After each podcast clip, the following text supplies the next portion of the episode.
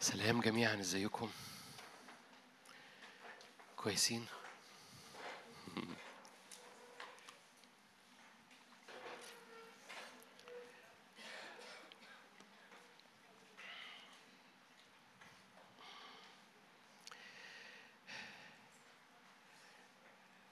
ملكوت الرب في حالة امتداد مستمر.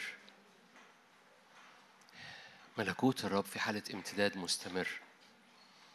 عشان كده بولس كان بيقول أنسى ما وراء لك لم يكن يعني أنسى ما وراء أنسى حاجات وحشة أنسى حتى ما وراء من من أمور لأن دائما ملكوت الرب في حالة امتداد مستمر. ودي مش جملة مشجعة دي كلمة الرب. الامتداد ملكوته وللسلام لا نهاية. فملكوت الرب في حالة امتداد مستمر. أنا شاعر بيها أو مش شاعر بيها هو في حالة امتداد مستمر. أنا بلحقها أو بالنعمة بتواجد في هذه الحركة الروحية آه، بسبب العطش الإلهي اللي جوه قلب كل حد فينا لكن هو طبيعته إنه في حالة امتداد مستمر. فهيز always on the move زي ما بيقولوا هو دائما في حالة حركة. عمر ملكوت الرب يبقى صامت. عشان كده رئيس الكهنة لما كان بيخش قدس الأقداس كان في جلجل ورمانة جلجل يعني جرس علشان كل حركة لرئيس الكهنة حوالين تابوت العهد كان اللي بره يسمعوها. لأن لو مفيش صوت يبقى مفيش حركة يبقى رئيس الكهنة مات. ملكوت الرب دائما في حركة حوالين الحضور الإلهي. المكان اللي فيه حركة هو الحضور الإلهي.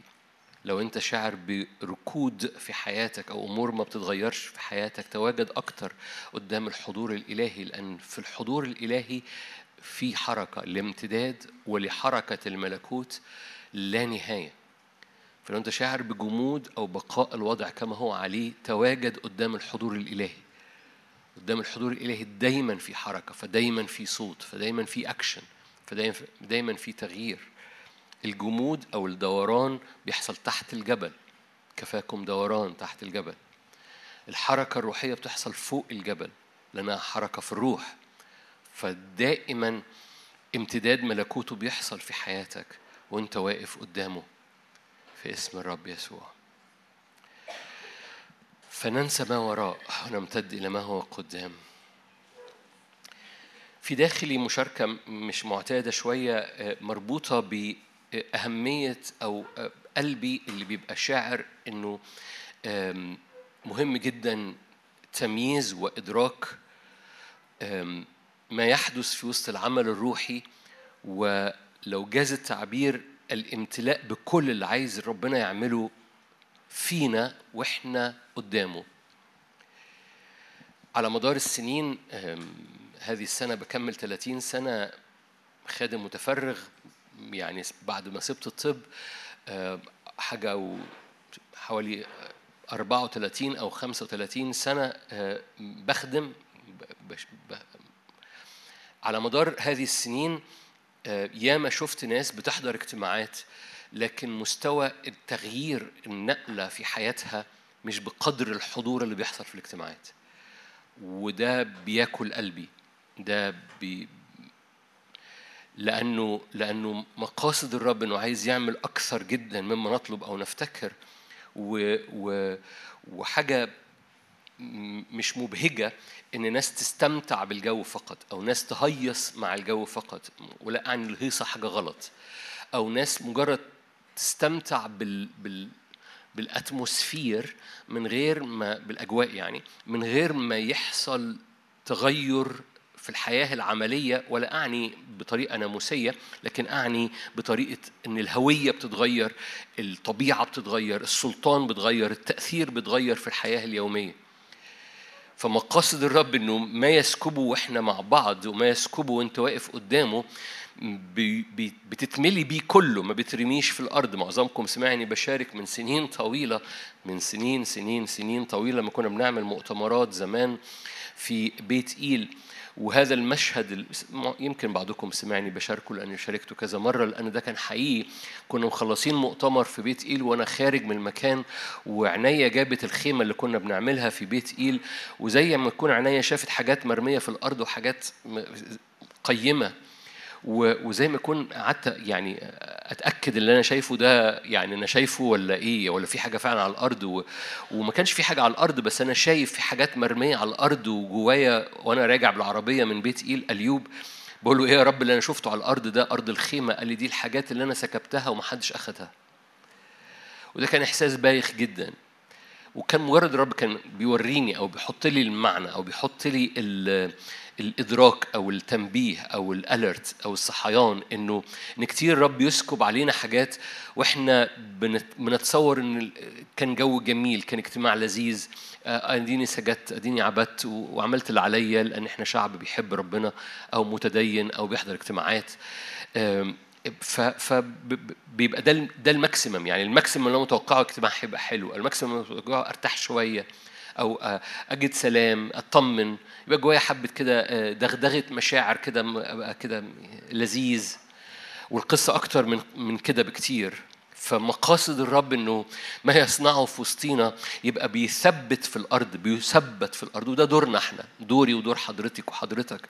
إن لما الرب يسكب حاجة إني إني أميز إن في حاجة بتنسكب واقطفها زي ما شجرة الحياة اللي بتطلع ثمر كل حين كل شهر تجدد ثمرها. يعني في دايما حاجة جديدة تتقطف من الحضور الإلهي.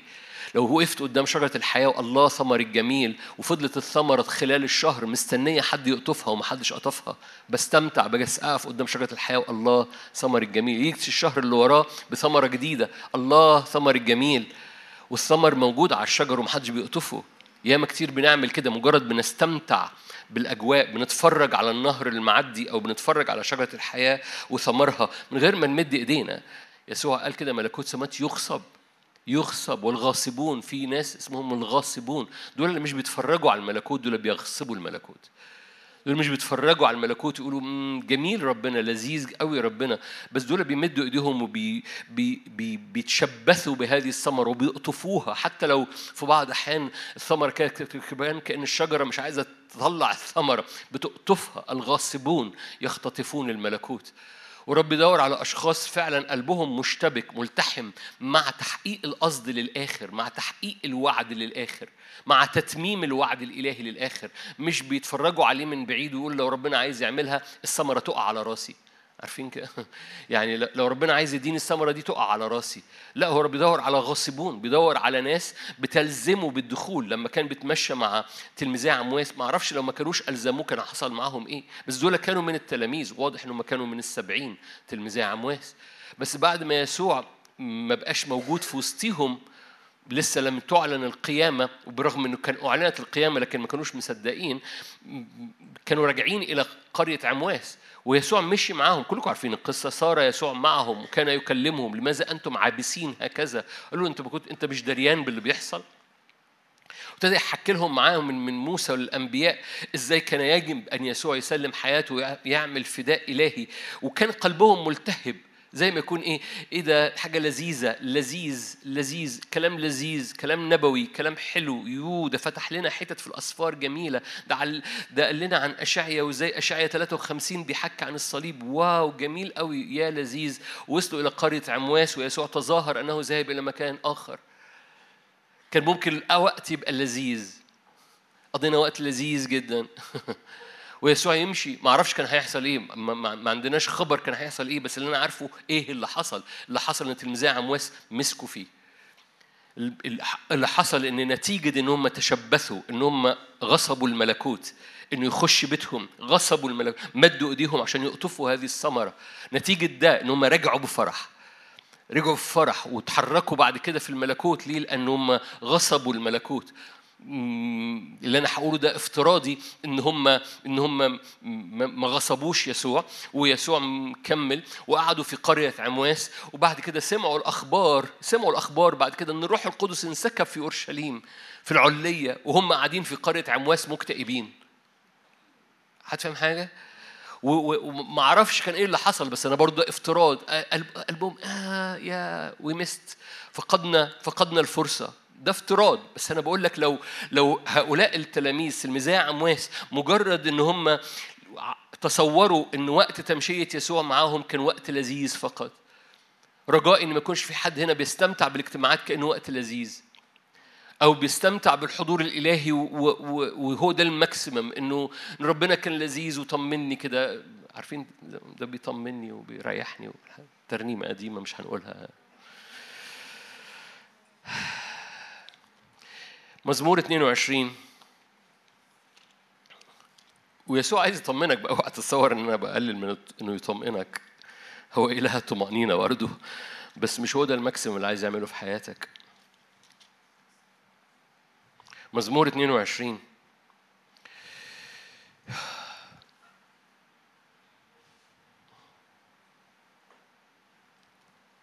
مزمور 22 مزمور نبوي عن الصليب بالمناسبة.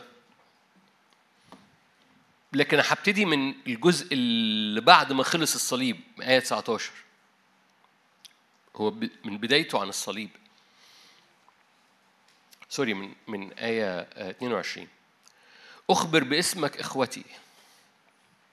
ده نتيجة الفداء. أنا عشان كده ببتدي من هنا لأن ده نتيجة الصليب. بس أنا بذكرك إنه بداية هذا المزمور بتحكي عن الصليب.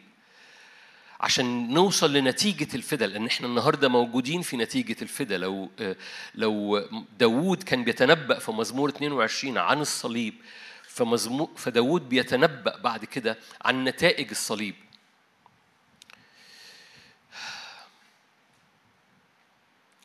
أخبر باسمك إخوتي في وسط الجماعة أسبحك.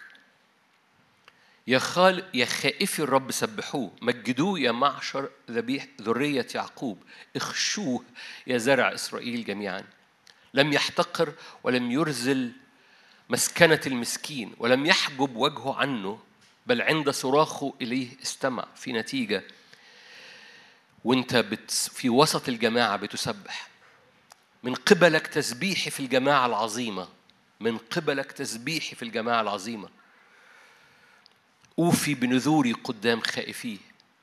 يأكل الودعاء ويشبعون. خلي بالك من قبل خلي بالك كل ده مربوط في وسط الجماعة. مرتين في آية واحد آية 22 في وسط الجماعة أسبحك.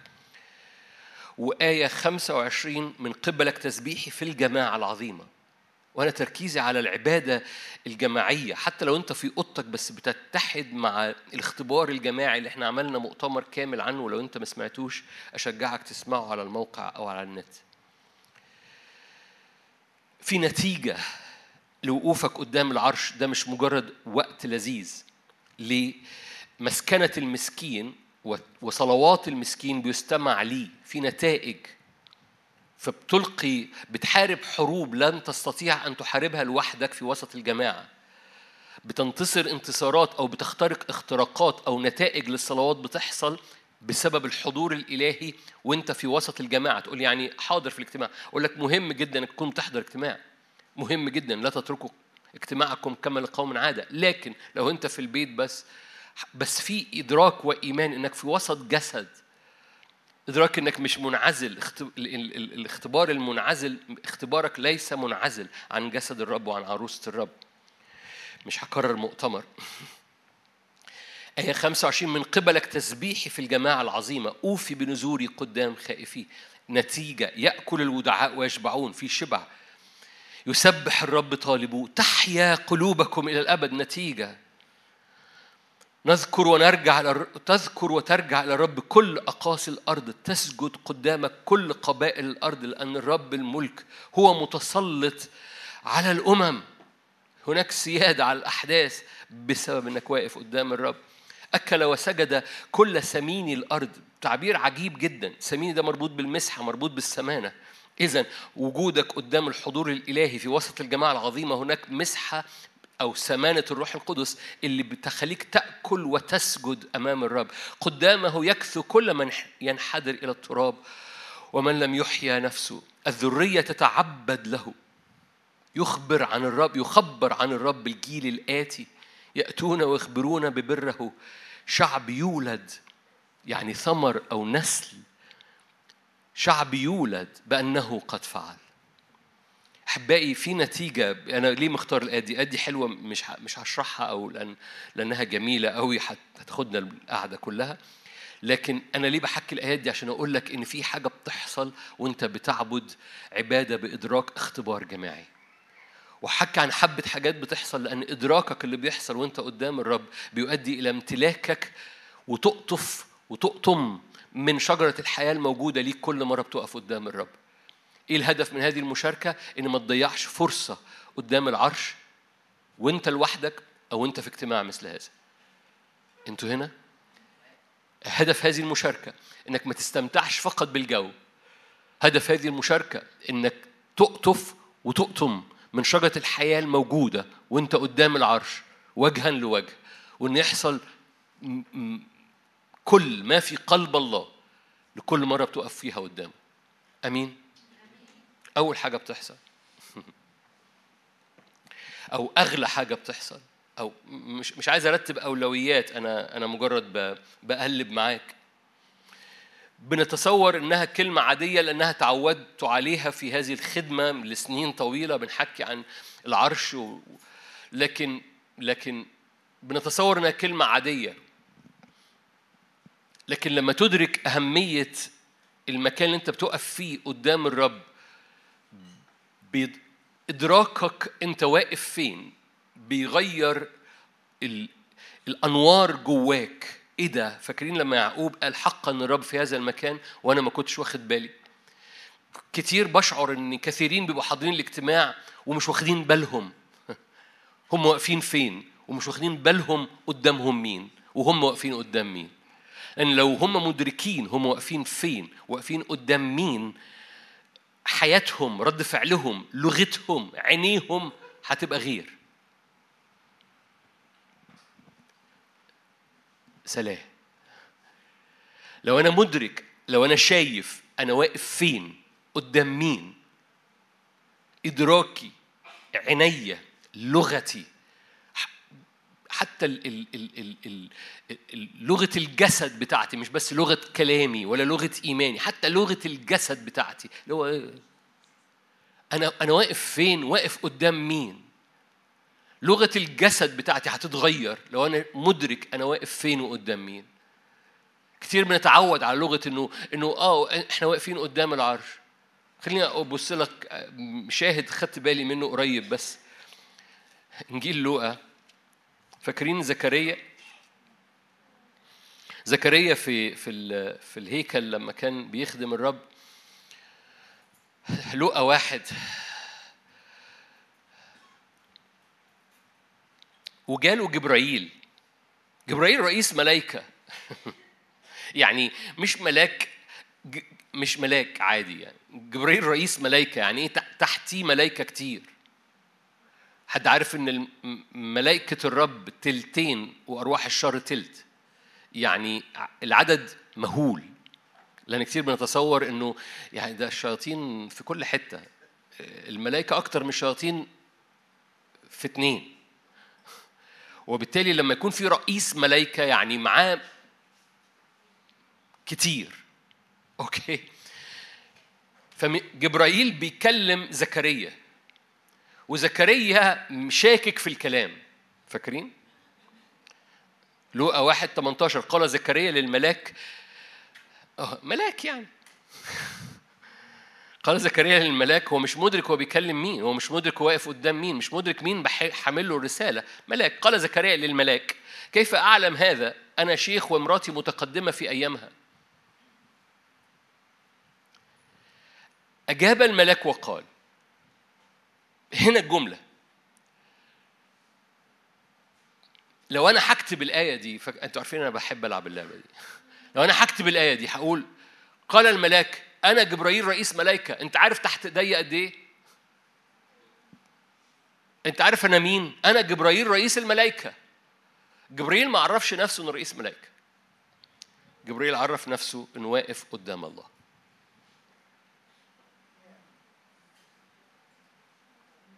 سلام. كان من حق جبرائيل إنه يقول أنا رئيس ملائكة؟ نعم. كان لو قال أنا رئيس ملائكة اسمع الكلام.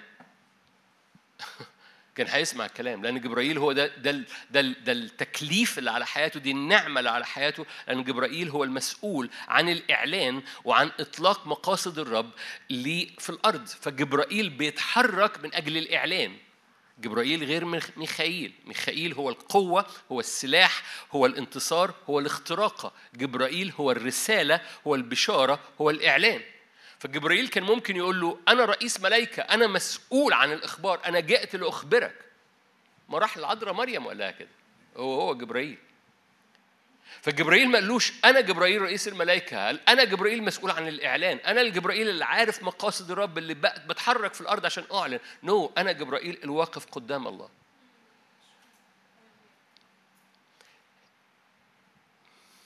متهالي إدراك مختلف جدا لما يكون التعريف بتاع حياتنا إن إحنا اللي بنقف قدام ربنا.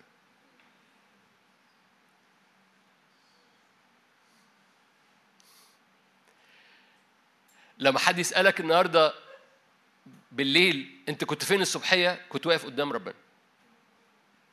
هو ده التعريف بتاعك. لما تاخد خلوتك في الأوضة في البيت أنا بعمل إيه؟ أنا واقف قدام ربنا.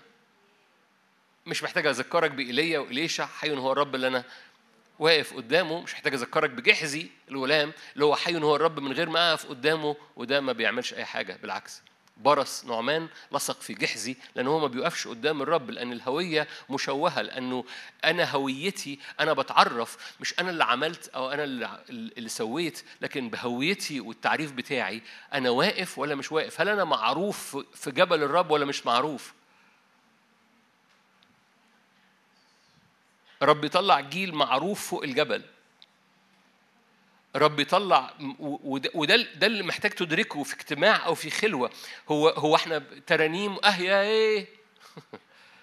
ولا أنا واقف قدام هذا الاهيا وبطلب إنه يملأ بحضوره لأنه اهيا يعني أنا هو أنا الحاضر. أنا الحي أنا الموجود أنا الساكن في وسط تسبيحات شعبي وتشفعات شعبي وسجود شعبي. أنا أنا الحاضر أنا مش مختبئ هناك أنا مش فوق السحاب أنا مش أنا مش مخبئ وجهي أنا أهيا الذي أهيا الآن أتيت.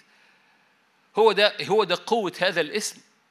قال أنا ما كنتش أعرف لما كان بيكلم موسى قال له ما كنتش أعرف قبل كده بهذا الاسم. عرفوني باسم إلهيم. عرفوني باسم إلهيم لكن لم يعرفوا أهيا إنه إنه مش إلهيم الخالق بس وإن كان ده اسم للرب لكن أنا أهيا الحاضر. مش أنا في السماويات بس لكن أنا في الأرض معاهم أيضا. وهذا الإعلان هو اللي بيهز أصنام. فإدراك إن أنا واقف قدام أهيا ده إدراك إن أنا واقف أنا جبريل الواقف أمام الله هو ده التعريف بتاعي. أنا مش جبريل رئيس الكهنة وإن... سوري رئيس الملائكة وإن كان ده حقيقي لكن أنا جبريل الواقف قدام هو ده اللي بيعرفني. هو ده اللي بيعرف إيليا هو ده اللي بيعرف إليشع ورب بيدور على جيل متعرف فوق الجبل فيتعرف تحت الجبل بسلطان. لما بنت... لما بنعرف فوق الجبل بنبقى معروفين فوق جبل الرب معروفين في جبل صهيون اللي هو لغة الكنيسة. معروفين في جبل صهيون بنبقى معروفين تحت فاكرين ولاد سكاوى أنا عارف يسوع عارف بولس لكن أنتم مين؟ من أنتم؟ ليه؟ لأنه مش معروفين جبريل معروف بي انه واقف قدام الرب إيليا معروف انه واقف قدام الرب لما التلاميذ قوموا المفلوج على باب الجميل رؤساء الكهنة عرفوا إن هم كانوا مع يسوع لأن اللي أنت بتقف قدامه بتعرف بيه اللي بتحطه قدام عينيك بتعرف بيه. وما أمجد إنك تكون مدرك إنك في وسط الاجتماع أو في أوضتك حتى في خلوتك. أنت الحضور الإلهي ده مش مش حاجة لذيذة. الله جميل. ترنيمة كانت جميلة قوي الموسيقى كانت جميلة قوي النهارده. أو الكلمة كانت نص نص. أو الكلمة كانت جميلة برضه. القصة مش إحنا مش entertainment فاهمين يعني entertainment يعني يعني يعني القصة مش مش مش آه مش تسلية. القصة مش جو جميل. قصة إن في حاجة أنت واقف قدامها حقيقية قوية اسمها حضور إلهي بتتعرف بيه لأنه مقاصد الرب من اليوم الأول. هو ليه خلقنا على صورته كشبهه وكمثاله؟ السبب الوحيد هو خلقك على صورته كشبهه وكمثاله علشان يبقى موجود فيك عشان تبقى اكستنشن ليه. عشان تتواجد قدامه. هو ده السبب. عارفين ربنا استراح في اليوم في اليوم السابع ليه؟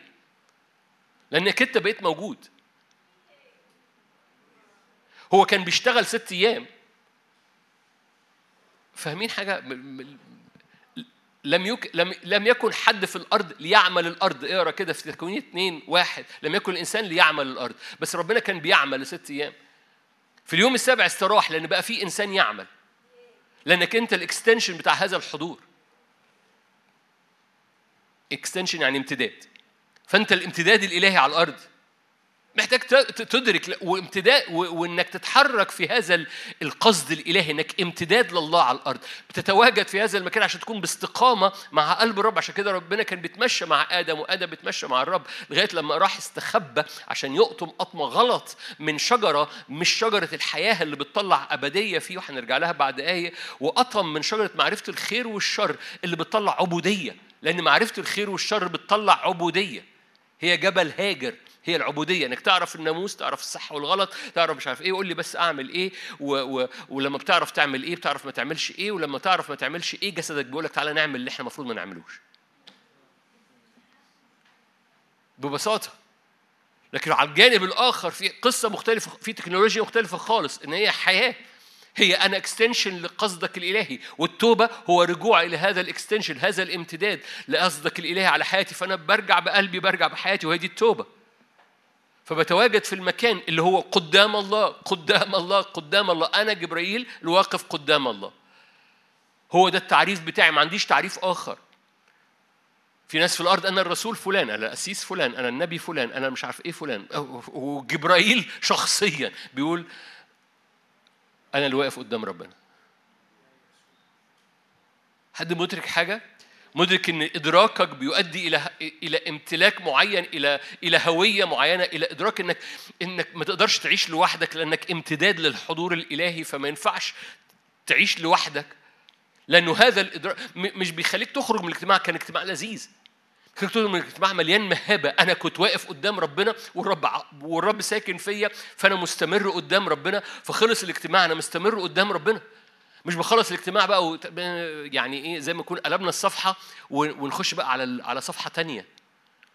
ما هو اللي بيخلينا نقلب الصفحة نخش على صفحة تانية أو صفحة هم أو صفحة أي كلام أو صفحة تريقه اي ايا كان الصفحة اللي بقلبها وبخش على صفحة تانية. لأني ما كنتش كنت متصور إن الاجتماع كان جو لذيذ. فالجو لذيذ خلص. فقلبنا القناة. في إيه تاني في التلفزيون؟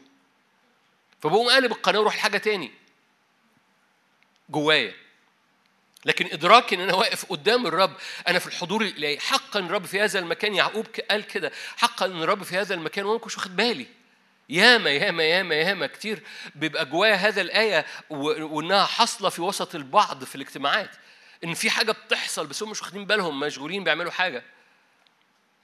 جواهم مشغولين بحاجة جواهم مشغولين باحتياجاتهم. من منكم إذا اهتم يقدر أن يغير في احتياجاته شيء؟ من منكم إذا اهتم يقدر أن يغير في احتياجاته شيء؟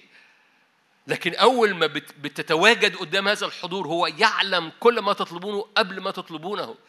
فسجودك وعبادتك وإدراكك انت واقف قدام فين؟ بيغير كل حاجة بيلمس كل حاجة. هتصلي ما تقلقش مش مش معنى كده مش هتصلي لاحتياجاتك بس بس نمرة واحد إدراكك. أنا أنا مرة تاني أنا جبرائيل اللي إيه؟ هو ده الهوية بتاعتك لأن من هويتك امتلاكك من هويتك ميراثك لأن الأبناء بيرثوا. فقط الأبناء بيرثوا فقط الأبناء بيرثوا في الابن.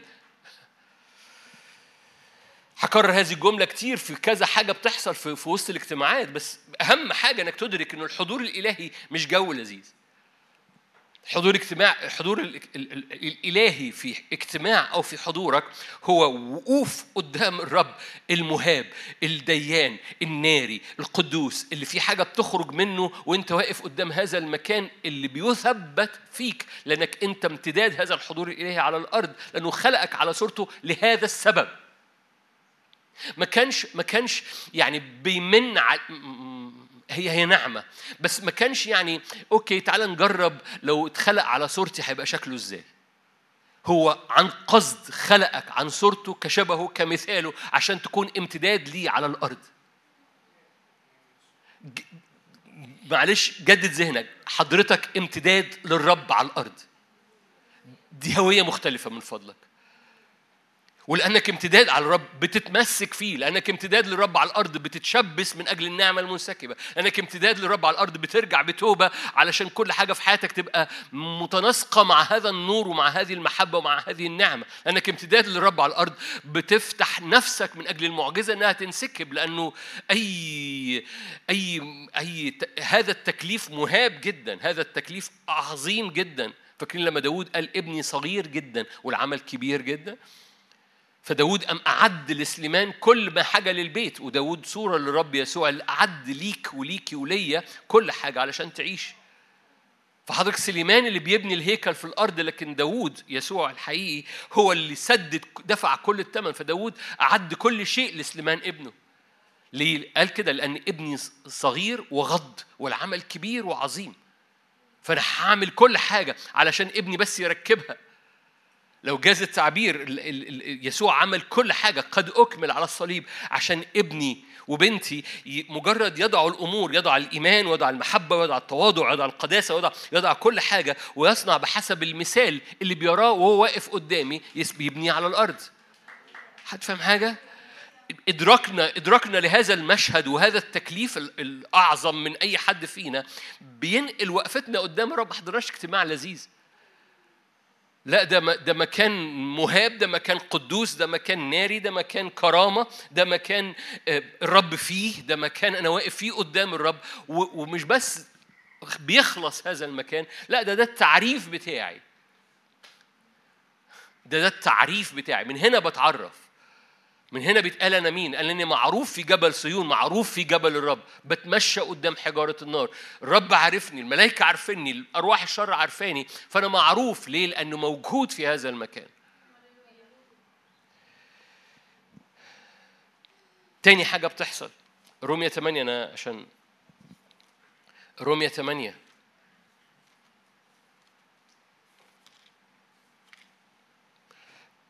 في في, في تاني حاجة بتحصل. نمرة واحد إنك في الحضور الإلهي وده حاجة تكنولوجيتها مختلفة مش بس اللي تعودنا أو اللغة الروحية بتاعتنا إن الجو كان لذيذ. بس تاني حاجة بتحصل ومحتاج تقطفها في الحضور الإلهي إن كان في في اجتماع أو في أو في أوضتك إن هناك نتيجة عملية لوقوفك قدام الرب. لأنك حقيقي واقف قدام الرب لأن في حضور إلهي قدامك في نتيجة عملية. كان ممكن أروح لآيات كتيرة بس أنا بحب هذه الآية. روميا 8 2 ناموس روح الحياة.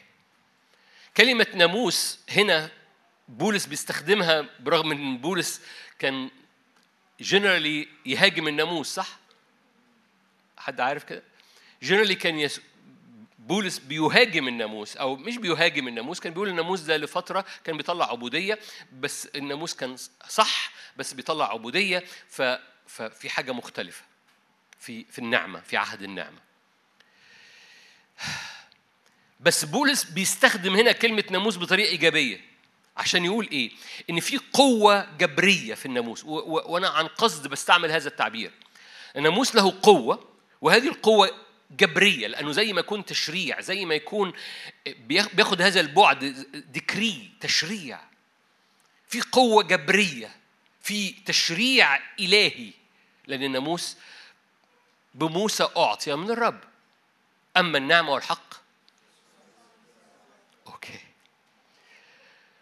فبولس بياخد هذا التعبير تعبير الناموس وبيحطه بصورة إيجابية هنا.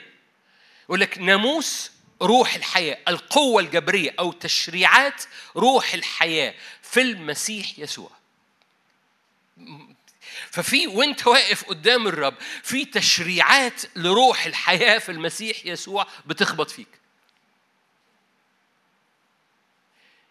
محتاج تدرك إنه القصة مش بس جو لذيذ مش بس حضور إلهي مهاب واو أنا أنا في نار وده حقيقي وده حقيقي.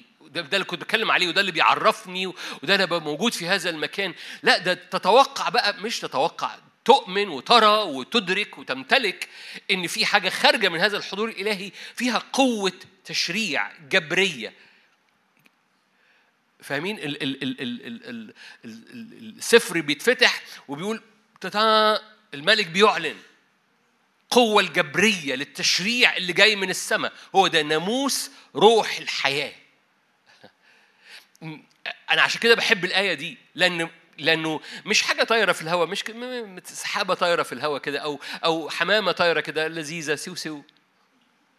ما ده روح القدس. فكتير بنتصور آه، أو شعلة نار كده تدفينا يا لذيذ قوي شعلة نار على راسي. نو ده القوة الجبرية لروح الحياة. ناموس روح الحياة. بيعمل إيه؟ كنتوا شايفين إيه عارفين الآية مش كده؟ أعتقني. يعني بس ده مكان انت محتاج تدرك انه مش بس مهاب لأن الرب مهاب مش بس لأنه اهيا الحاضر قدامك مش بس لا ده في حاجة خارجة من هذا العرش في حاجة خارجة من هذه النار اللي انت واقف قدامها اللي انت بتتعرف بيها. أنا جبريل الواقف قدام ربنا. في حاجة بتخرج من هذا الوقوف قدام ربنا اسمها تشريع قوة جبرية. تشريع عارفين إيه قوة جبرية؟ فيها إجبار.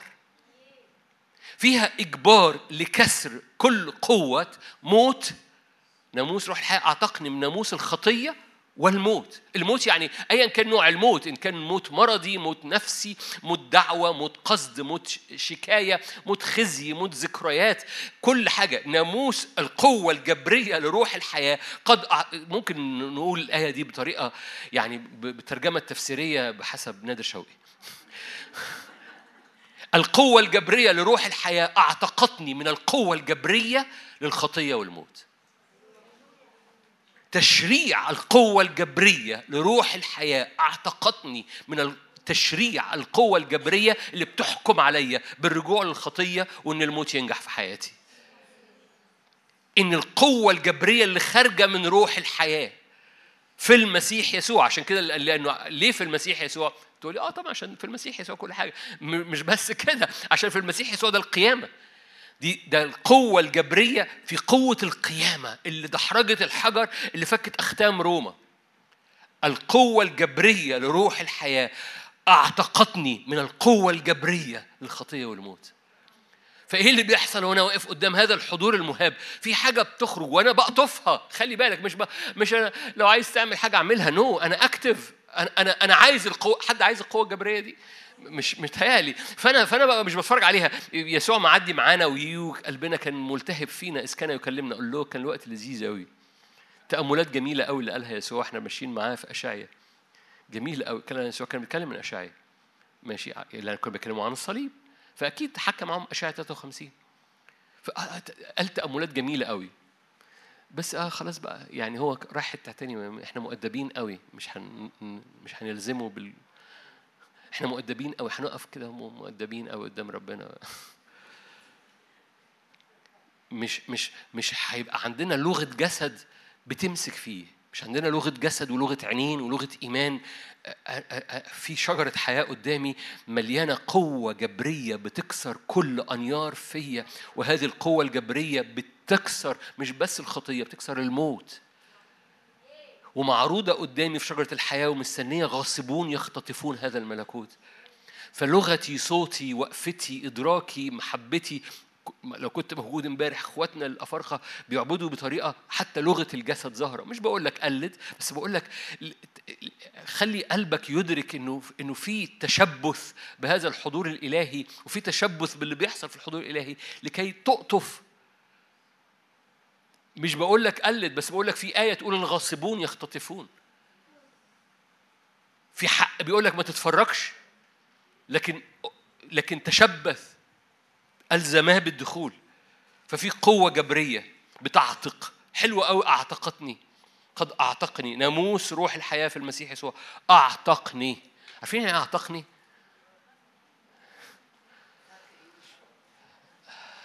كل دي لغات جميلة ومظبوطة صح. فك قيودي وكل حاجة. عارفين لما حد يبقى زهقان من حد يقول له أعتقني؟ شفت أنا روحي إزاي؟ اعتقني بقى. اعتقني روحي جدا في بعض الأحيان محتاج تزهق من اللي أنت فيه عشان تقف قدام هذا العتق.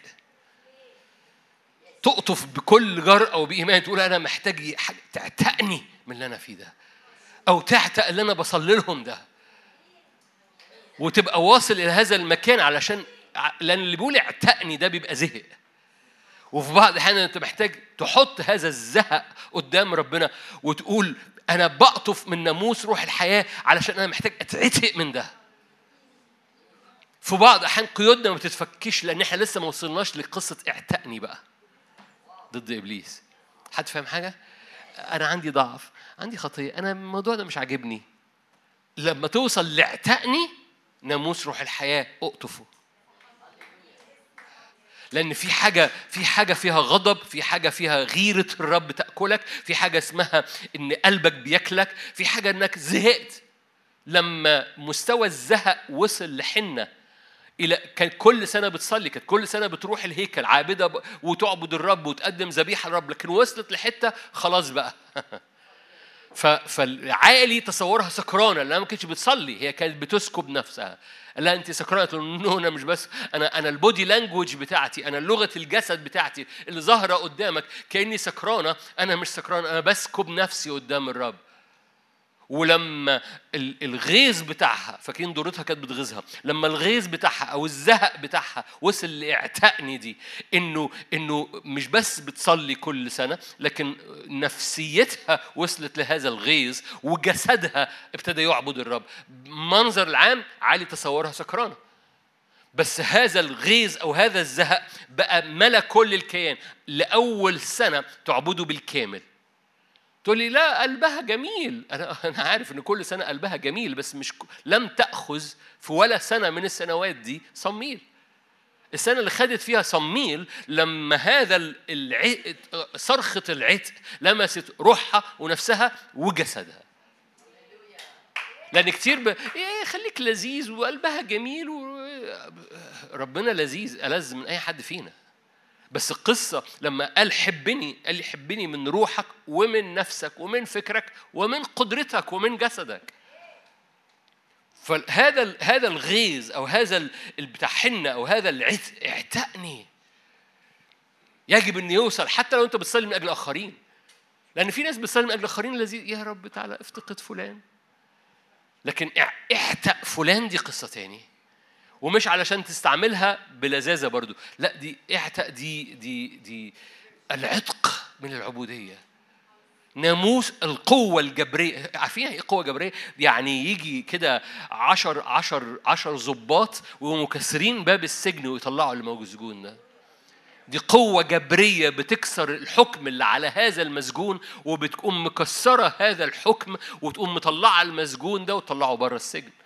دي قوة جبرية لروح الحياة في المسيح يسوع. بتعتق. Are you here؟ بتعتق.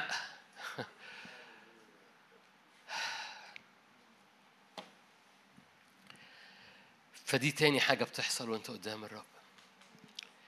تالت حاجة بتحصل. أفسس واحد.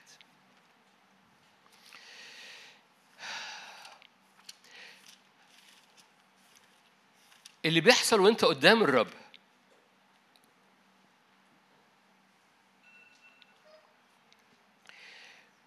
مش على مستوى ذهنك لكن على مستوى روحك. بس محتاج تدركه. إنك مش بس قدام الحضور الإلهي وتتعرف من هذا الحضور أنا جبريل واقف قدام ربنا. مش بس إن في قوة جبرية بتكسر وبتحتق من كل آثار فساد وكل آثار موت. لكن نمرة ثلاثة في دقة روحية. بنور على طريقك. بتنور مش جوه ذهنك بأفكار لكن جوه روحك بإعلان. أشرح الجملة دي ممكن كانت مركبة.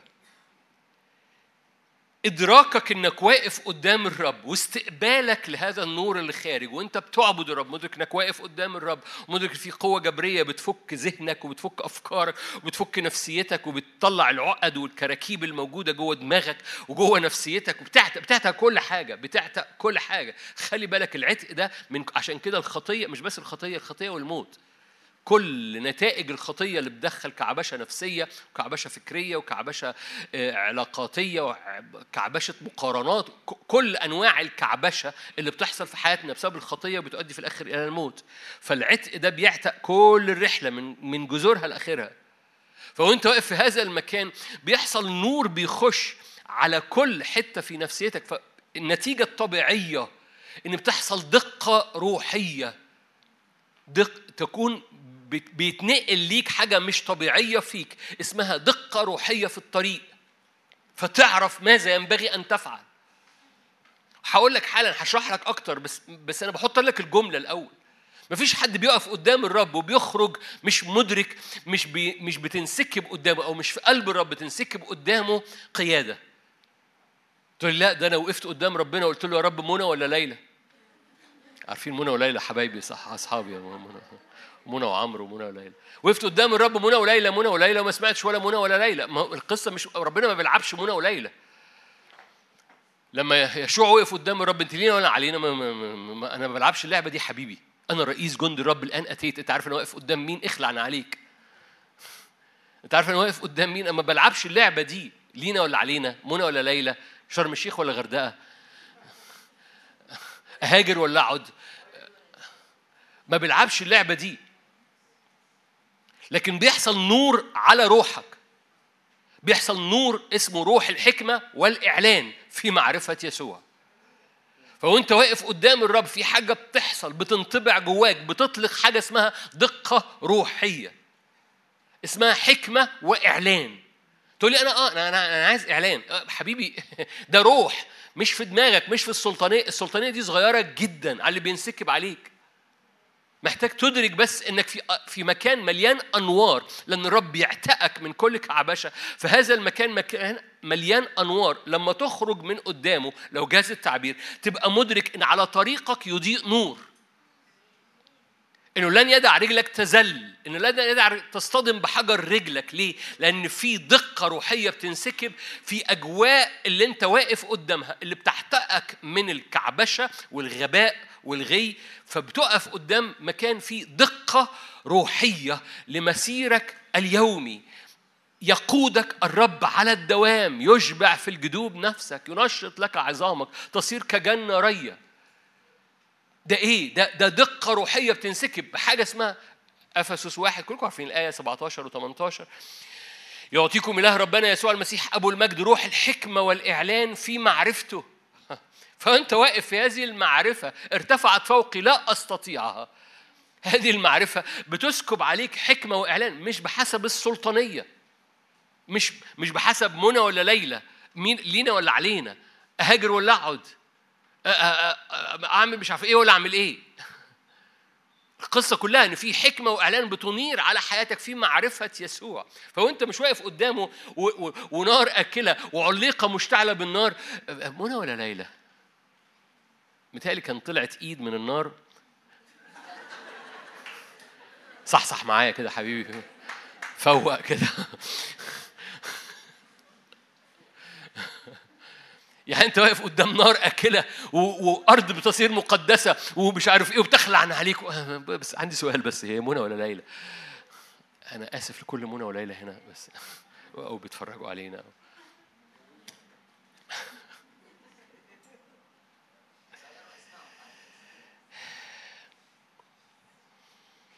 لكن ادراك معين ان في انوار بتطرد الضلمه اللي في دماغي.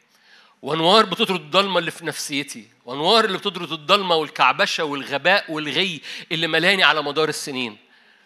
وهذه الأنوار فيضيء لي المسيح يضيء لي المسيح. القصة مش بقى اختيار يمين ولا شمال القصة بقى على طريق يضيء نور. القصة إن بقى في حاجة بتنسكب في حياتي مليانة حساسية مليانة حكمة مليانة إعلان في معرفة يسوع في وجه مستنيرة كمل مستنيرة عيون أذهانكم. ففجأة عينيك تنور. يا أتاري الدنيا نورت. مستنيرة عيون أذهانكم لتعرفوا رجاء دعوته وغنى مجد ميراثه في القديسين. بقول هذه الجملة كتير.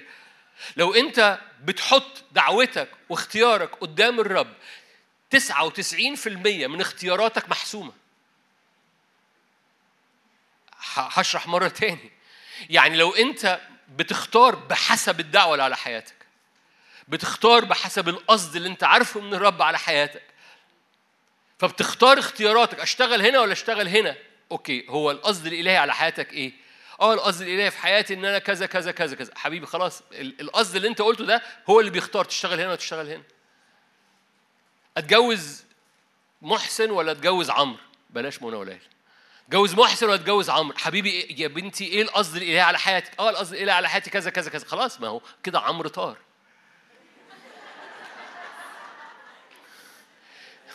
محسن مبسوط. هتفهم حاجة؟ 99% من اختياراتنا بتتحسم. لو أدركنا غنى مجد الميراث ودعوته على حياتك بتعرف 99% من اختياراتك اتحسم. مش محتاج تسمع صوت ربنا.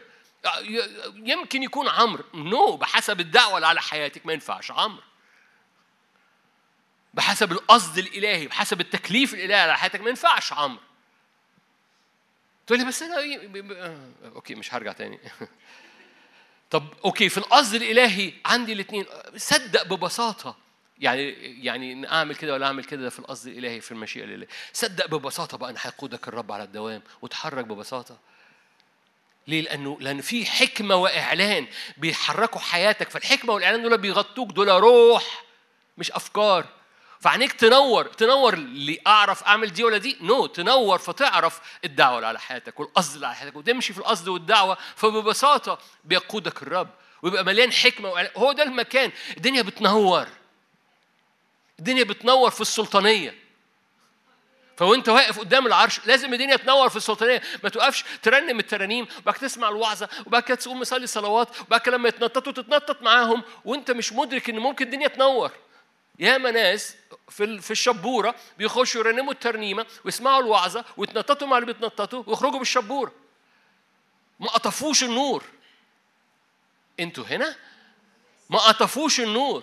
اقطف النور اقطف الحكمة والإعلان اللي تخلي السلطانية دي تنور. مستنيره عيون أذهانكم. متثبتين. النور الحق بينور. الحكمة والإعلان بتنور.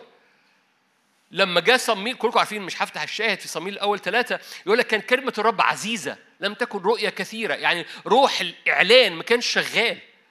لغاية لما صميل وقف قدام مش هفتح الشاهد كلكم عارفينه عارفينه؟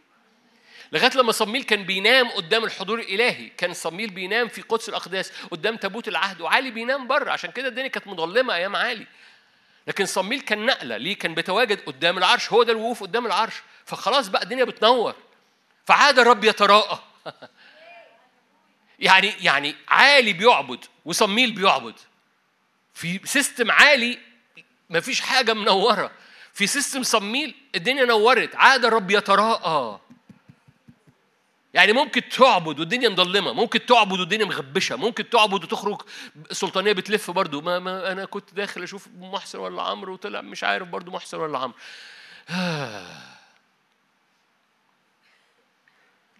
لما بتقف قدام الرب ما تقفش كعالي وقف كصميل اللي هو اللي هو مدرك أنا أنا عارف أنا واقف قدام مين. هي دي الهوية بتاعتي. وفي ناموس قوة جبرية لروح الحياة بيطير في هذا المكان بيلف في هذا المكان بيعتقني من الغباء والشبورة والدوشة. فالدنيا بتنور. فعلى طريقي يضيء نور. البعض هنا محتاج يقول على طريقي يضيء نور. محتاج يضرب بيها الحياة اليومية. يضرب بيها على طريق يضيء نور على ذهن يضيء نور. مستنيرة عيون أذهانكم.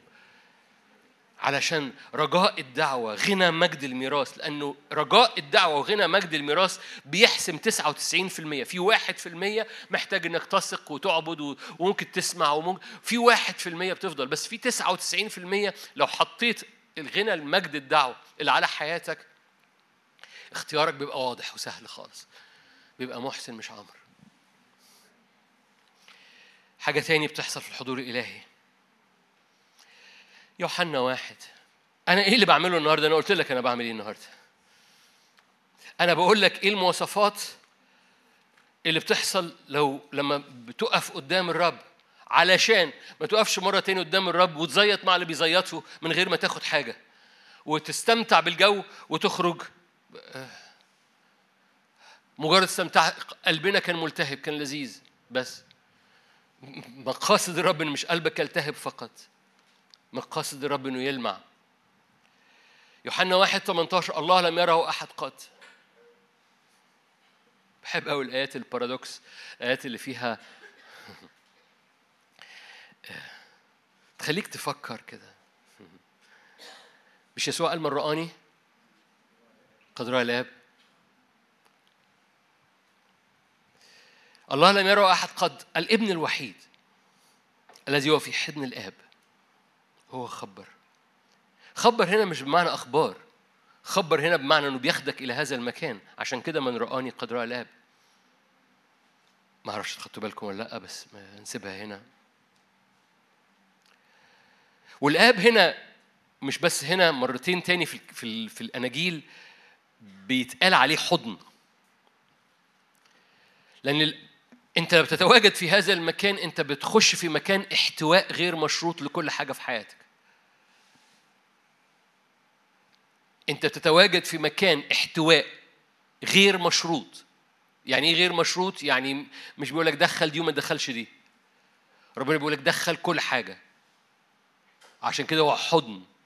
دخل كل حاجة في إبوتي. لأن هذا المكان غير مشروط عشان أحتوي كل حاجة في حياتك كأب.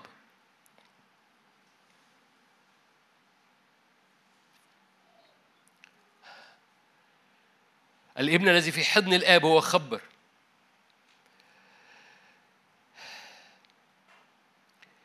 كتير بنقف قدام الرب مش مدركين إنه في فرصة. إن كل أمر في حياتي شايفه أو مش شايفه يحتوى في هذا الحضن اللي مفتوح ليا في هوية الابن. وأنا كابن أو أنا كابنة بتواجد في هذا المكان اللي أنا قدام الآب في المسيح يسوع. بس الآب ده عبارة عن حضن بيحتويني وبيحتوي جنابي وبيحتوي ظهري لأنه دخلني في العباية دي. فاللي أنا شايفه ومش محتاج أتلفت يمين وشمال ومش محتاج أبص ورا أنا في هذا الحضن اللي بيحتوي كل حياتي بطريقة غير مشروطة. ما بيقفلش مناخيره لأن فيا ريحة وحشة. لما بيحتويني في هذا الحضن بيبقى مسؤول وإبراء وتقديس وحماية مش بس حماية يحمل كل الأشياء الآية المشهورة يحمل كل الأشياء في حياتي اللي أنا شايفها واللي أنا مش شايفها اللي أنا قلقان منها واللي أنا مش قلقان منها اللي أنا صليت لها واللي أنا ما صليت لهاش. اللي أنا واخد بالي منها وقلقان عليها واللي أنا مش مديها قوي قيمتها برغم إنها مهمة بس هو شايف إنها مهمة. أنا بدخل في هذا المكان اللي الآب فيه بيحتضنني لأني ابن وابنة. هذا المكان معرفش عنكم بس غالي جدا. هذا المكان بيفتح فقط للابن عشان كده الآب لم يره أحد قط.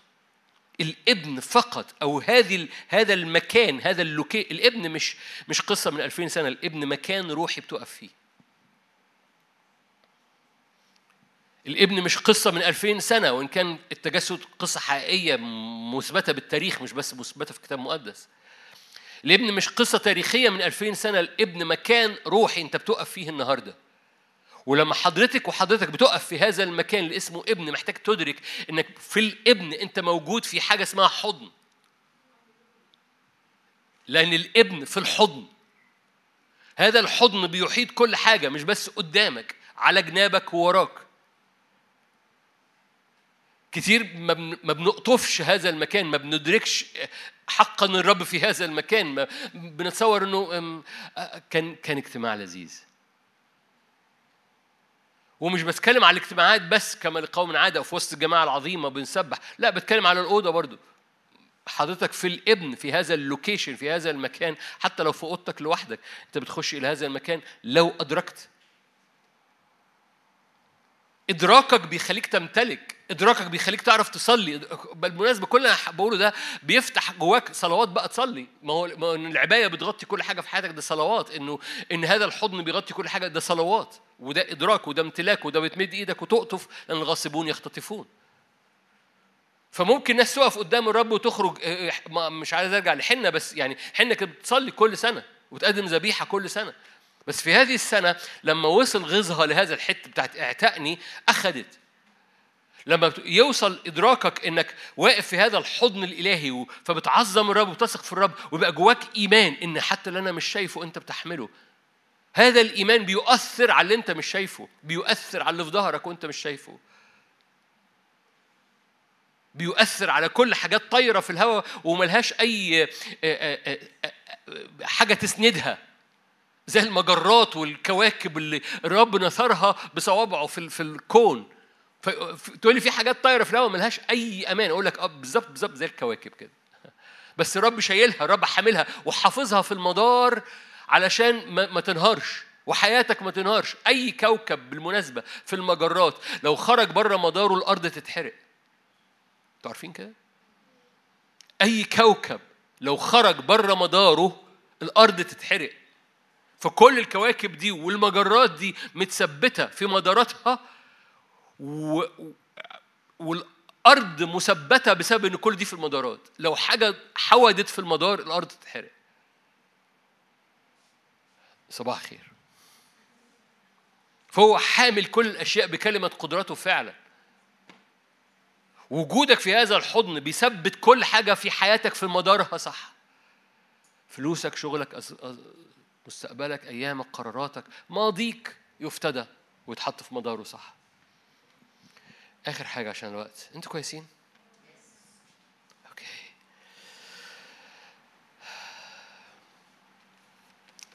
أشعيا أشعيا 42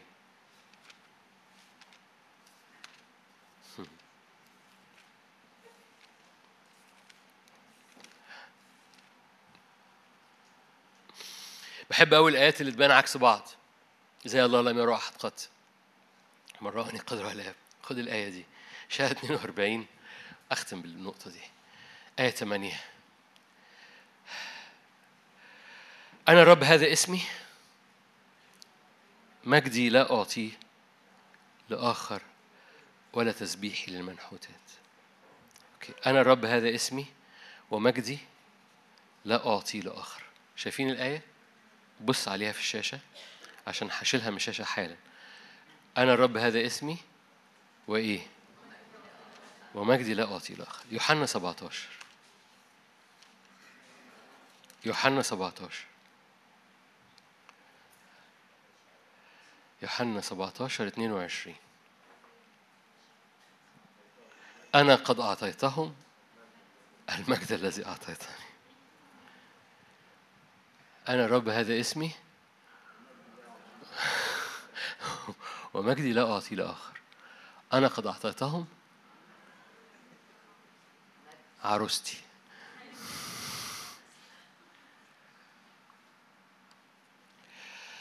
هل في تناقض؟ مفيش تناقض على الإطلاق أمال إيه الآية الأولى دي؟ لأن هنركز على الآية الثانية إيه الآية الأولى دي؟ لو أنت قريت الكونتكست أو السياق بتاع أشعيا هو بيتكلم على إيه؟ إنه أي أعمال أنا بعملها تقود إلى تسبيحي. هذا التسبيح أو هذا الحمد أو هذا المجد لا يعطى لحد. لأني أنا اللي عملت مش حد. فمجدي تسبيحي حمدي شكري لا يعطى لآخر. لكن هذا الآخر بيعمل أمور باسمي من خلال مجدي لأن أنا بديه مجدي عشان يعمل. أنا أعطيتهم المجد عشان يخدموا عشان يكونوا واحد فينا. لكن نتائج اللي هم بيعملوه مش لمجدهم لأن مجدي لا أعطيه لآخر. يا رب تكون نورت.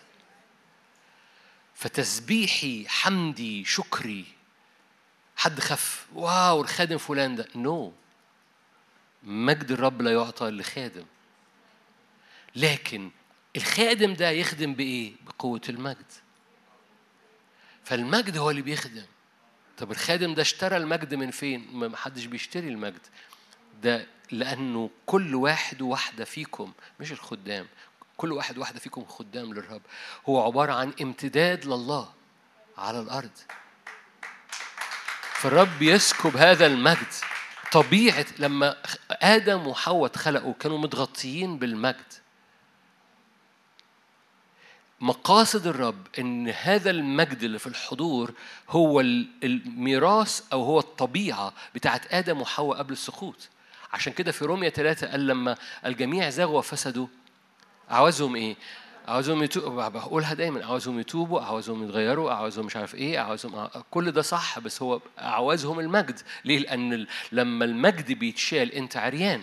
أول ما المجد اتشال من آدم وحواء عريان. خاف فاختبأ وراح استخبى وقال أنا عريان فخشيت فاختبأت. الحاجة الوحيدة اللي بتغطي حياتك هو المجد لأن بدون مجد لا تستطيع أن تعيش. فوانت واقف قدام حضور الرب ده, ده المكان الرب يقوم ناقل كل تراب فيا إلى مجده. ده المكان اللي بقطف فيه حاجة اسمها المجد. لأن هو ده أبو المجد. حد قال هذا التعبير زمان؟ أبو المجد أبويا. ولو هو أبو المجد وأبويا يبقى أنا والمجد إخوات. هذا التعبير جميل. بس محتاج تدرك إن المجد مش حاجة طايرة في الهواء المجد ده, ده, هو ده اللي بيغطيك. هو ده المجد اللي بتخدم بيه. هو هو تسبيحه لا يعطى لآخر لكن المجد قد أعطيتهم المجد الذي أعطيتني عشان يبقوا واحد في يكونوا امتداد لينا على الأرض.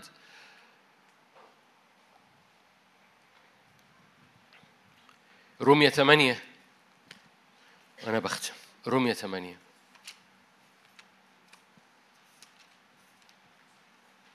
كلكم عارفين هذا الشاهد أختم بيه. 29 الذي سبق فعرفهم سبق فعينهم ليكونوا مشابهين صورة ابنه. امتداد للابن في الأرض. امتداد للابن في الأرض. عشان كده بنتشبث بيه. الذين سبق فعرفهم سبق فعيانهم ليكونوا مشابهين. صورة ابنه يكون هو بكرا بين إخوة كثيرين. الذين سبق فعينهم هؤلاء دعاهم. الذين دعاهم هؤلاء بررهم. الذين بررهم هؤلاء مجدهم. وخلي بالك ده ماضي تام يعني مش سيمجدهم مجدهم أيضا. فماذا نقول لهذا؟ نقول إيه بعد كل الكلام ده؟ الذين عينهم دعاهم الذين دعاهم بررهم الذين بررهم مجدهم. فماذا نقول بعد كل الكلام ده؟ إن كان الله معنا. لما بتقف قدام الرب في حاجة حقيقية تقيلة اسمها مجد الرب في حاجة اسمها تقل مجد إلهي. المجد هو اللي انت بتخدم بيه بالمناسبة. المجد هو اللي بيؤثر هو اللي بيعمل مواجهاتك لما كان الشعب ماشي في البرية لما كان بيغلب كان بيغلب من خلال المجد اللي عليه. ما أعرفش انت خدت بالك ولا لأ لما جاب العام وبلاق يلعنوا الشعب الشعب ما كانش في حالة حلوة. بلعام حاول يلعن من فوق الجبال لم يستطيع أن يلعن لمجرد إن كان في تابوت العهد جوه الشعب في وسط الشعب. هذا المجد اللي في وسط الشعب. قال الرب لم يرى إثما ولا رأى تعبا في يعقوب. ليه؟ لا عيافة ولا عرافة. ليه؟ لأن في مجد في وسطيهم. طب هم مش في حالة كويسة بس المجد هو اللي بيحارب عنهم. المجد هو اللي بيحميهم. لما تقف قدام حضور الرب في حاجة اسمها أنت واقف قدام مجد إلهي وهذا المجد هو اللي بتحارب بيه مش بس بيحميك. لما حارب فاكرين عوج وسيحون؟ دول الملكين الموجودين كانوا في البرية. خليني أقول لك أقول لك تعبير اللي جوايا. المجد هو اللي بيلغي من جواك جينات البرية جينات الرجوع لورا. المجد هو القوة الداخلية اللي بتخليك تكسب عوج وسيحون كانوا من العمالقة. فاكرين كان سرير ومش عارف إيه واصابعه ومش عارف إيه؟ كلهم دول عمالقة عوج وسيحون عشان كده لما انتصروا الشعب على عوج وسيحون كان بيتقال دول اللي غلبوا عوج وسيحون دول العمالقة. عبورك لعوج وسيحون في البرية هو بسبب المجد اللي موجود جواك. المجد اللي جواك بتحارب بيه فلما بتقف قدام حضور إلهي في حاجة لازم تقطفها عشان تدرك إنك لما تخرج من هذا الاجتماع في مجد جوايا والمجد اللي جوايا ده بيرد عوج وسيحون كل عمالقة قدامي. فما تخافش لما تخرج من الاجتماع أنت مش خايف هيحصل إيه. أنت مدرك إن في مجد جواك.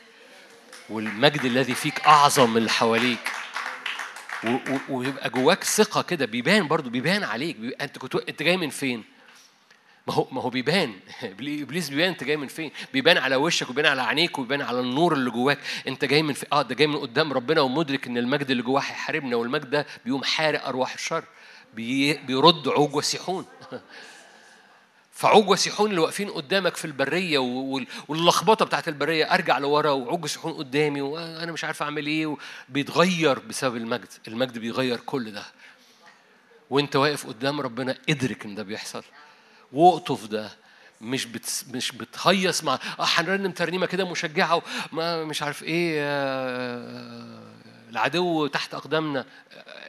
ياس رنم ترنيمة العدو تحت أقدامنا بس ادرك العدو تحت أقدامك ليه؟ بسبب المجد اللي قدامك. فمد واقطفه مد واقطفه مد واقطفه ما, ما ترنمهاش من غير ما تقطفه. فاهمين حاجة؟ ما تزيطش من غير ما تقطفه. ما تتنططش من غير ما تقطفه. اقطفه وبعد كده تنطط زي ما انت عايز. بس ما تتنططش من غير ما تقطفه. آمين؟ خلونا نصلي مع بعض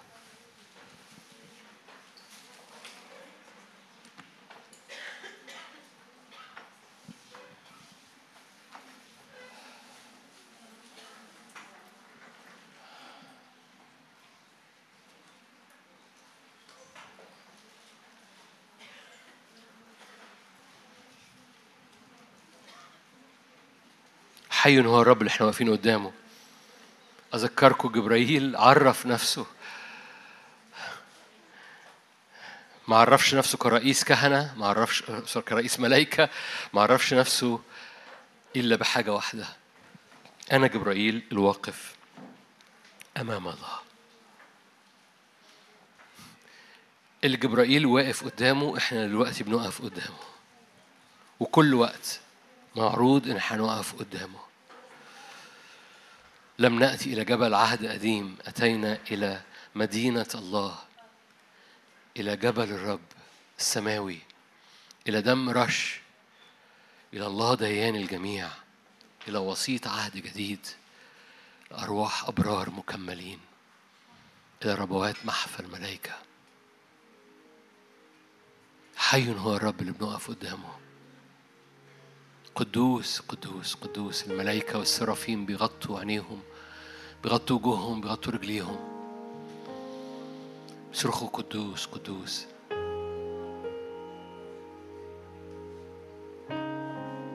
بنميل قلوبنا في وسط الجماعة أسبحك بنخلع تيجاننا وبنقدم حياتنا وبنسجد بقلوبنا وبنكسر قارورة الطيب.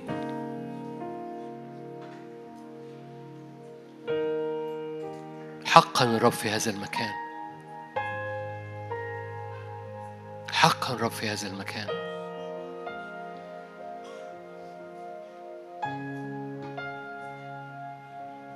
حقا إلهنا نار أكلة حقا اللي وقفوا قدامه اتغيروا. حقا موسى القتال واللي متربي في حكمة المصريين من سحر بيتنقل ويصبح حليم جدا ومليان بر. حقا أي صخر بتحطم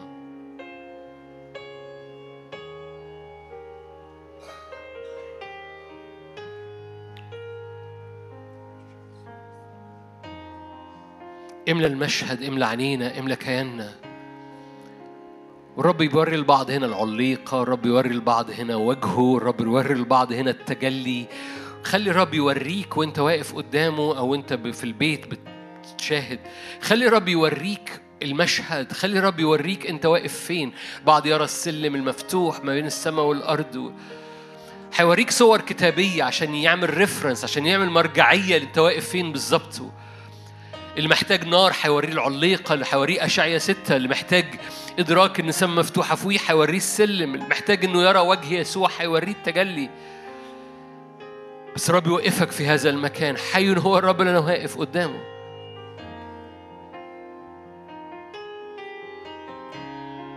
مستنير عيون أذهانكم.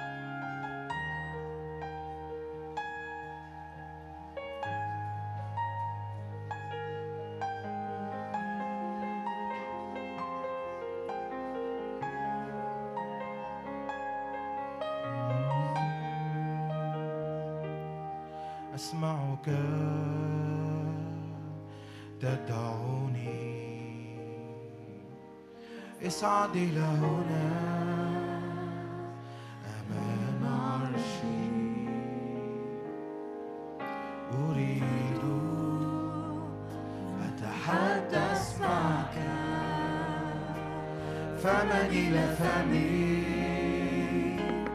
وجها إلى وجهي. أسمعك تدعوني. اصعد إلى هنا. أمام عرشي. أريد أن أتحدث معك فمن إلى فمي وجها إلى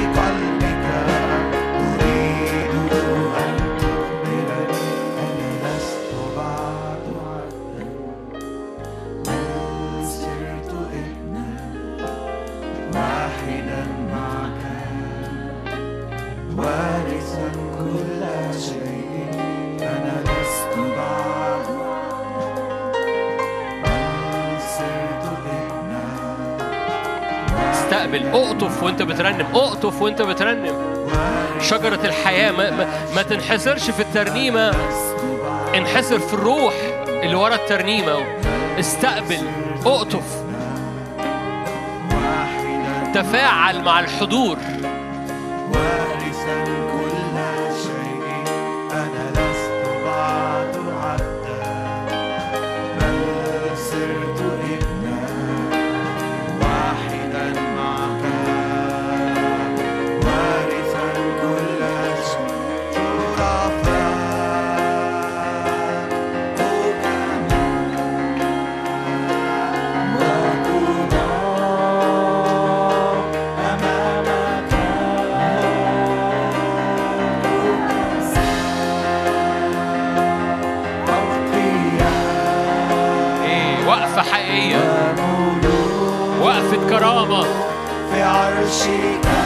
شرفاء واقفين قدامك.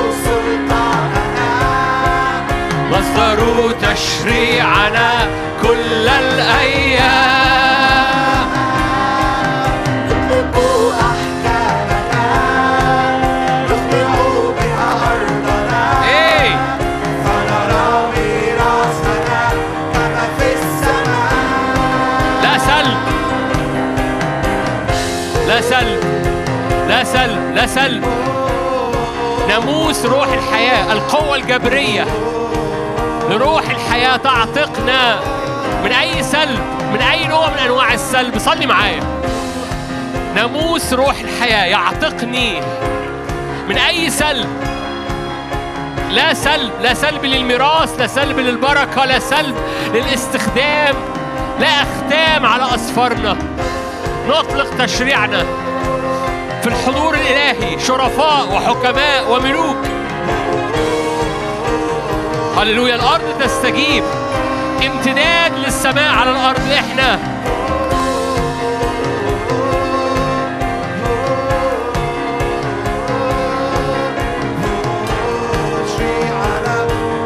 في السماء أنت تحكم.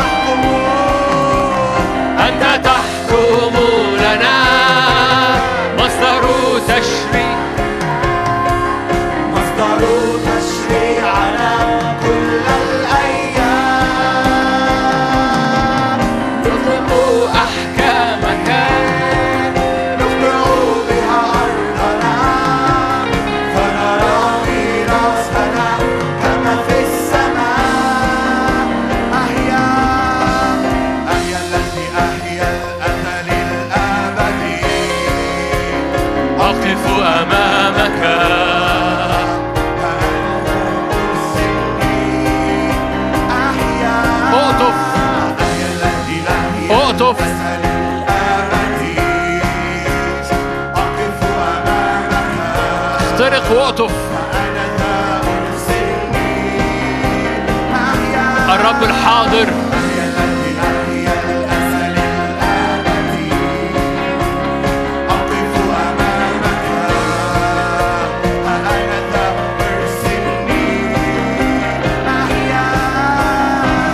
الذي أهي الأبدي أقف أمامك.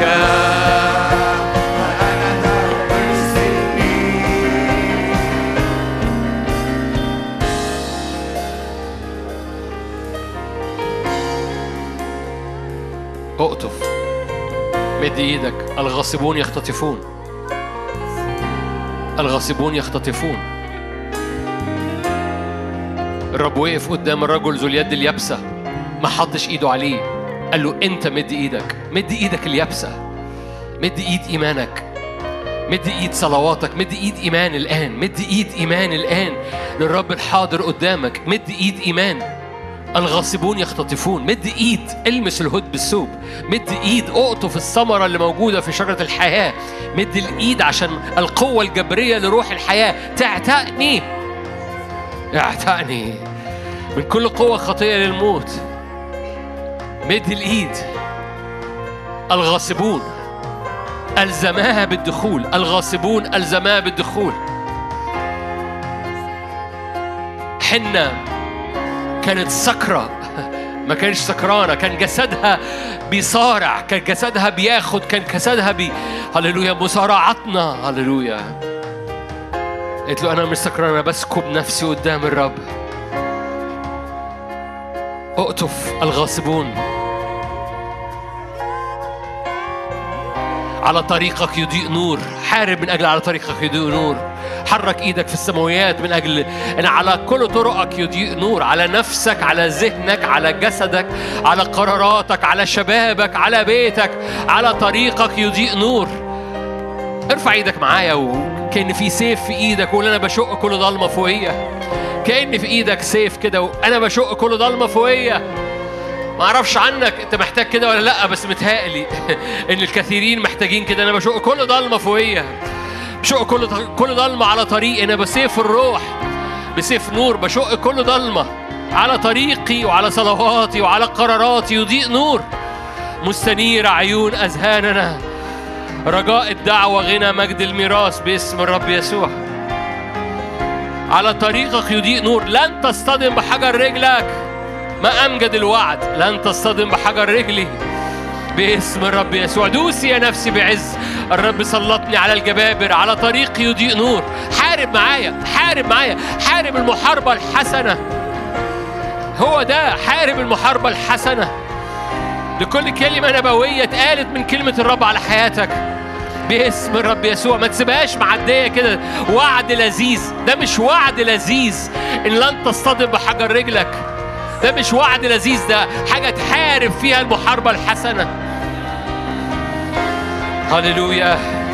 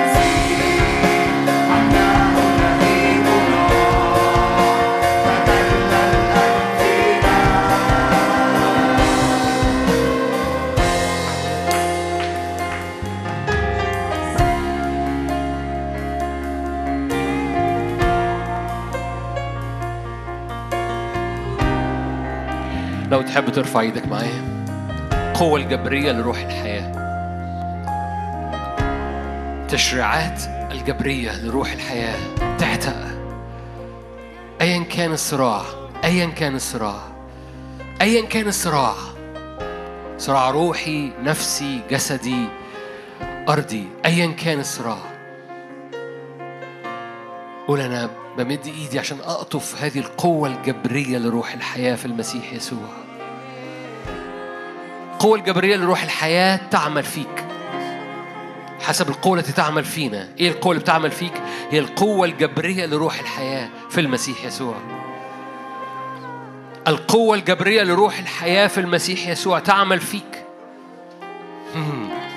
فتعتق تعتق تفك تعتق فتكسر سلاسل تعتق فتطلق حرية وكل مية مرة كل مية ملوثة كل مية مرة تبرأ المياه. القوة الجبرية لروح الحياة تعتق وت... وتدحرج بعيد عنك. كل مياه مرة كل تاريخ كل أحداث كل سلاسل كل مرارة.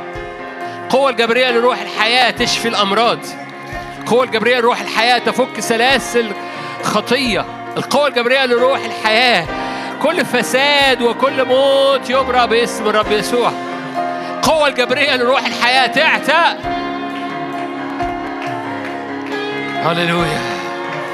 عتق عتق عتق عتق. اعلن. شرع معايا عتق عتق عتق عتق. مش بس عتق من الخطية عتق من من كل سلاسل من كل من كل نتائج الخطية حتى الموت. عتق للتاريخ عتق للنسل عتق للمية في حياتك عتق لأبوابك. عتق. تعتقني من ناموس الخطية والموت. حتى لو إبليس بيقول دي قوة جبرية للخطية والموت في قوة جبرية لروح الحياة تعتقني. هللويا.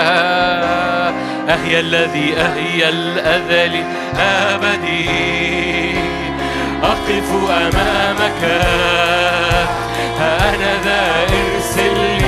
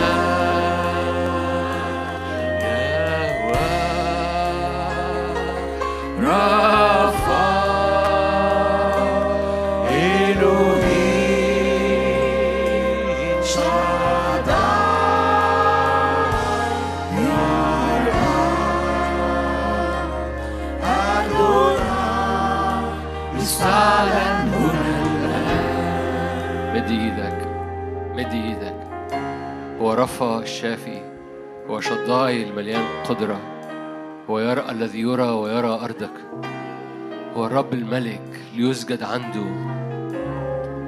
تحنى كل الحياة قدامه. هو حضن بيغطي كل أمور حياتك يحمل كل الأشياء بكلمة قدرته. الابن الذي في حضن الآب هو خبر هو بياخدك إلى هذا المكان. بدونه لا نعرف بدونه لا نوجد. به وله كل الأشياء. كل الأشياء محمولة فالآن ثق. كل أمورك محمولة. كل أمر في حياتك يكون في مداره الحقيقي في مداره الصحيح. شوف كده الرب حامل كل الأشياء بكلمة قدرته وبالتالي كل أمورك متشالة في مدارها صح. كل أمورك في مدارها صح. الإدراك بيديك الامتلاك. فادرك أنت واقف في حضرة مين؟ وادرك أن كل أمورك بتحمل في المدار بتاعها بحسب القصد الإلهي. ولو في أمور متلخبطة مجرد إيديك المرفوعة بتجعل كل الأمور تسير في مدارها.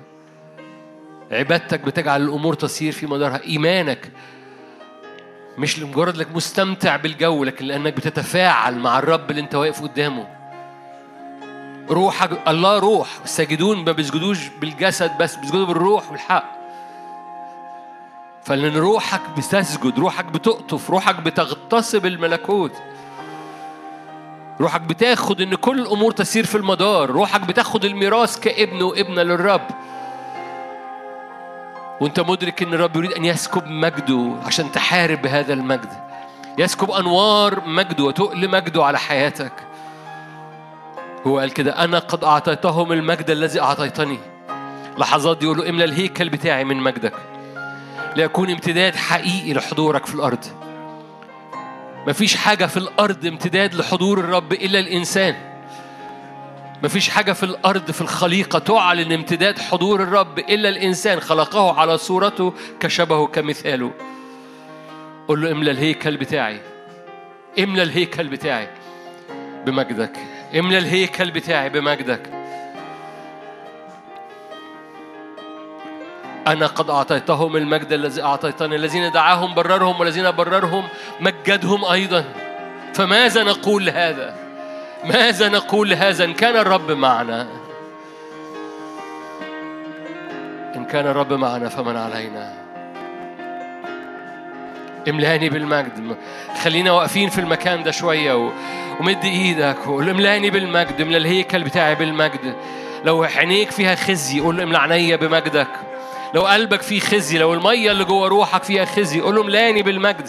لا تسمح بذرة في هيكل حياتي ما يبقاش فيها مجدك املاني بمجدك. باسم الرب يسوع. احرق بنار مجدك. خلينا ننتصر على البرية اللي جوايا بمجدك. فلا فلا يعود أي جينات للبرية جوايا باسم الرب يسوع. فأغلب عوج وسيحون وأعبر باسم الرب يسوع. ملاني بمجدك لي- ليحارب أزرع المجد في حياتي. أذرع المجد في حياتي لتحارب وتخترق بيا باسم الرب يسوع. لأن هذا الكنز في أواني خزفية. ليكون فضل القوة لله منا. مجد اسمك مجد اسمك فينا مجد اسمك جوانا مجد اسمك. فنخرج من هنا عارفين معروفين في, في الجبل. هللويا. باسم الرب يسوع. متعرفين إن إحنا بنقف قدامك.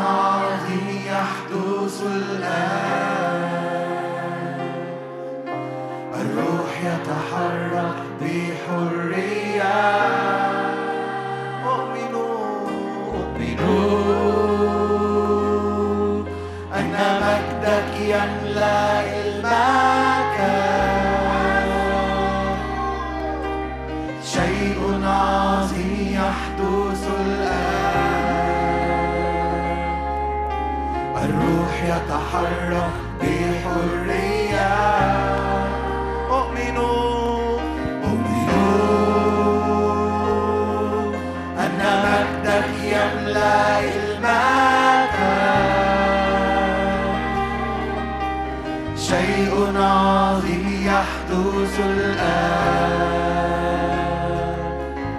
الروح يتحرك بحرية. أعبدوا أعبدوا فهو هنا الآن. ادعوا فهو هنا الآن. اطلبوا فهو هنا الآن.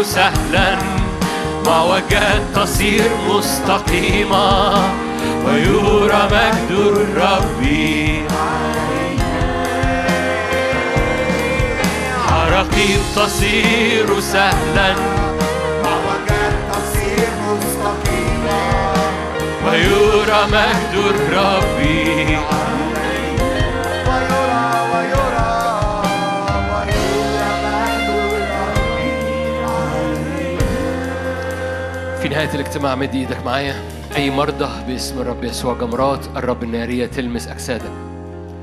جمرات الرب النارية تلمس كل خلية مريضة. الروح القدس يحمل المرض من الجسد ويضعه على جسد يسوع الممجد الآن. يرتفع المرض من جسدك ويوضع على جسد يسوع الممجد الآن بقوة الروح القدس.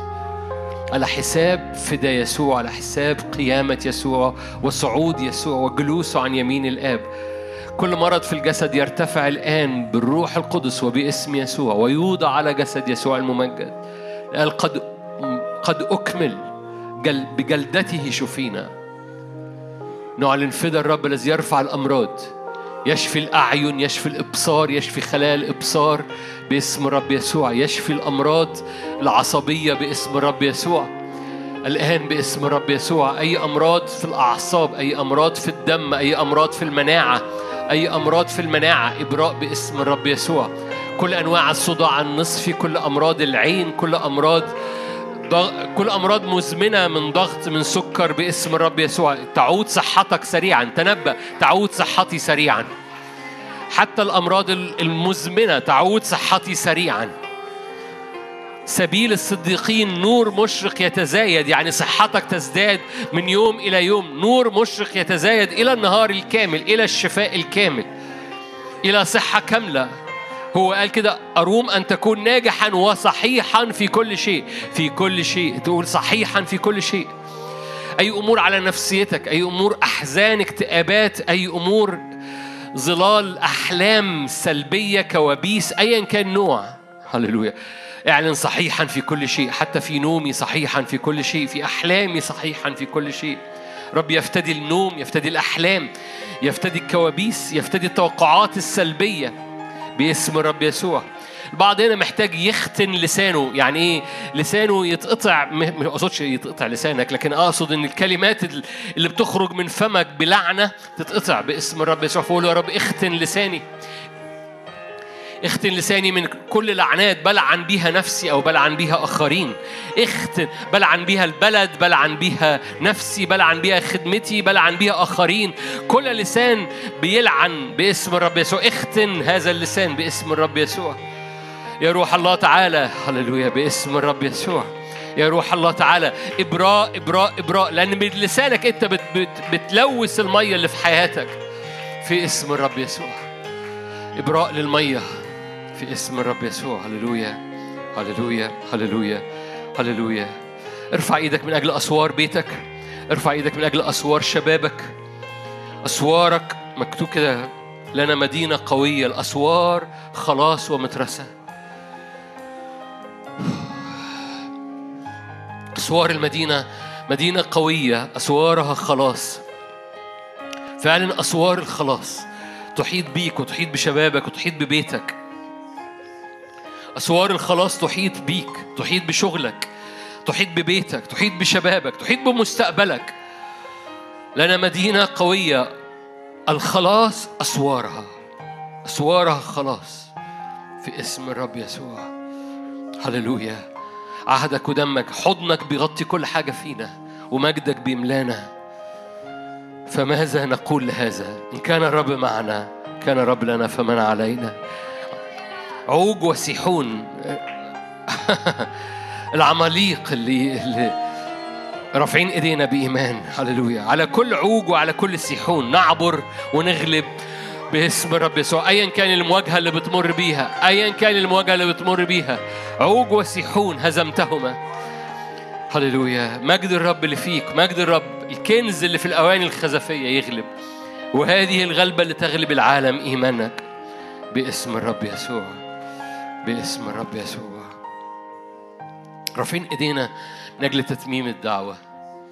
فأنا رافع إيدي مع حضرتك ومع حضرتك ومعاك اللي بتشاهد تتميم الدعوة باسم الرب يسوع. تتميم كل حاجة كتبت في الأسفار لحياتك ولخدمتك لأسرتك ولبيتك والأشخاص اللي أنت بتصلي من أجلهم. تتميم.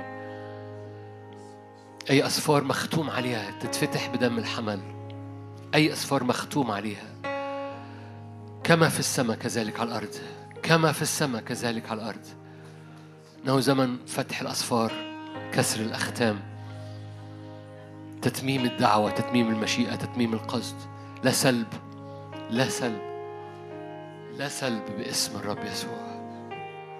لا أي نوع من أنواع السلب في حياتك. تتميم الدعوة. لا تسقط كلمة واحدة من كلامك يا رب.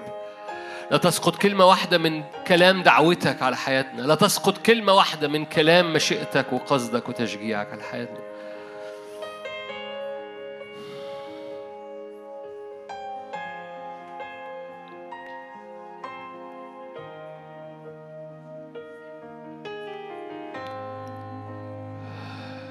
معلش خلينا واقفين في الحتة دي ثواني.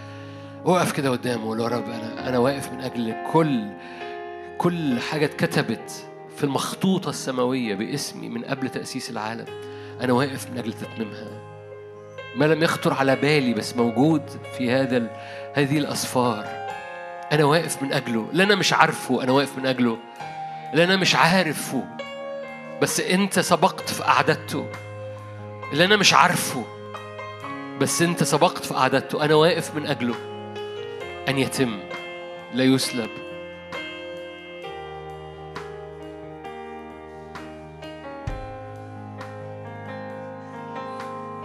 اللي أنا مدركه واللي أنا مش مدركه اللي أنا شايفه واللي أنا مش شايفه تسيج من حواليا تسيج من حوالين رجلي فأمشي في طرق مستقيمة. يسلك المفديين فيها طريق مقدسة حتى الجهال حتى اللي مش فا... مش مدركين كل حاجة فيها يسلكون فيها. طريق مقدسة حتى الجهال لا يضلوا لا يضلوا فيعلن لن أضل لن أضل لن أضل لن أضل. في طريقك وأنا مثبت عيني على حياتك وأنا بتجاوب مع حضورك لن أضل. لن تدع رجلي تصطدم بحجر ولن يدع قدوسك يرى فسادا. لن تدع قدوسك يرى فسادا.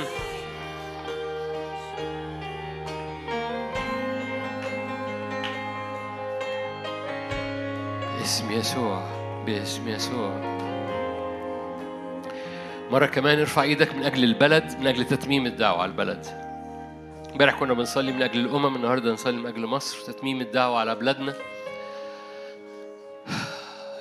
من أجل تتميم الدعوة على بلدنا يا رب واقفين. من أجل تتميم الدعوة وتتميم القصد الإلهي وتتميم ما أعددته يا رب لبلدنا لكي تقف فيه في الأزمنة الأخيرة. رافعين إيدينا بإيمان يا رب. من أجل كل ما كتب في سفرك من أجل استخدام مصر في الأزمنة الأخيرة في المشيئة الإلهية. أنت قلت شعبي مصر. مبارك شعبي مصر. من أجل طريق مقدسة